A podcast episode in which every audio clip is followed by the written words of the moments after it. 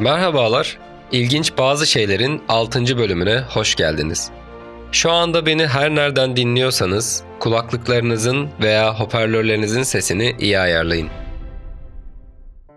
Çünkü size çok özel birini anlatacağım. Bütün dünya onu I have a dream yani bir hayalim var sözleriyle tanıdı.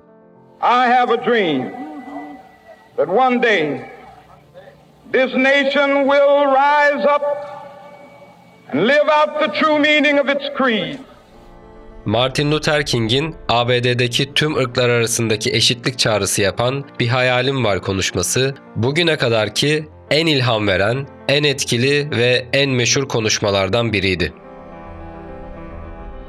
ABD'nin Georgia eyaleti Atlanta şehrinde 15 Ocak 1929'da doğan King Jr., sivil haklar konusunda ülke tarihinin en öne çıkan isimlerinden biri olarak yerini aldı.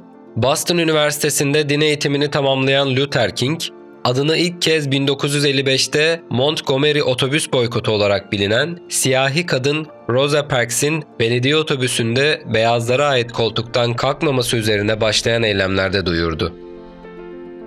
Bir yıldan fazla süren boykotu organize eden King Jr. bu süre zarfında tutuklandı, saldırılara uğradı, evi bombalandı. King Jr.'ın 1963'te başkent Washington'da düzenlenen ve 250 bin kişinin katıldığı İş ve Özgürlük için Washington'a Yürüyüş adlı insan hakları yürüyüşünde yaptığı Bir Hayalim Var adlı konuşması ise tüm dünyada yankı uyandırdı.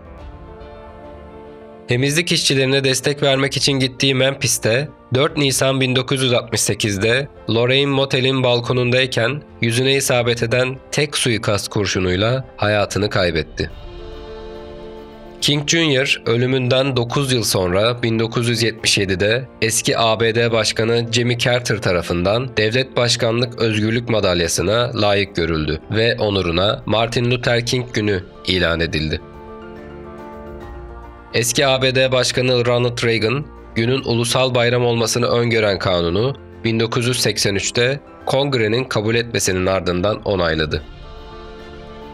Yargılamalar, hapisler, sürgünler. 35 yaşında Nobel Barış Ödülünü alan en genç adam. 54 bin dolarlık ödül parasını sivil haklar hareketinin ilerlemesine devredeceğini duyuran gözü tok bir aktivist. Hayatını adadığı işçilere destek için gittiği yerde öldürülen ve arkasında maddi olmayan devasa bir varlık ve sevgi bırakan bir adam.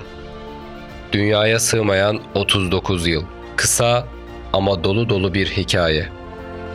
Amerika Birleşik Devletleri'nde siyahi bir vatandaş devlet başkanı olabiliyorsa hepsi onun ve yol arkadaşlarının cesareti sayesindedir.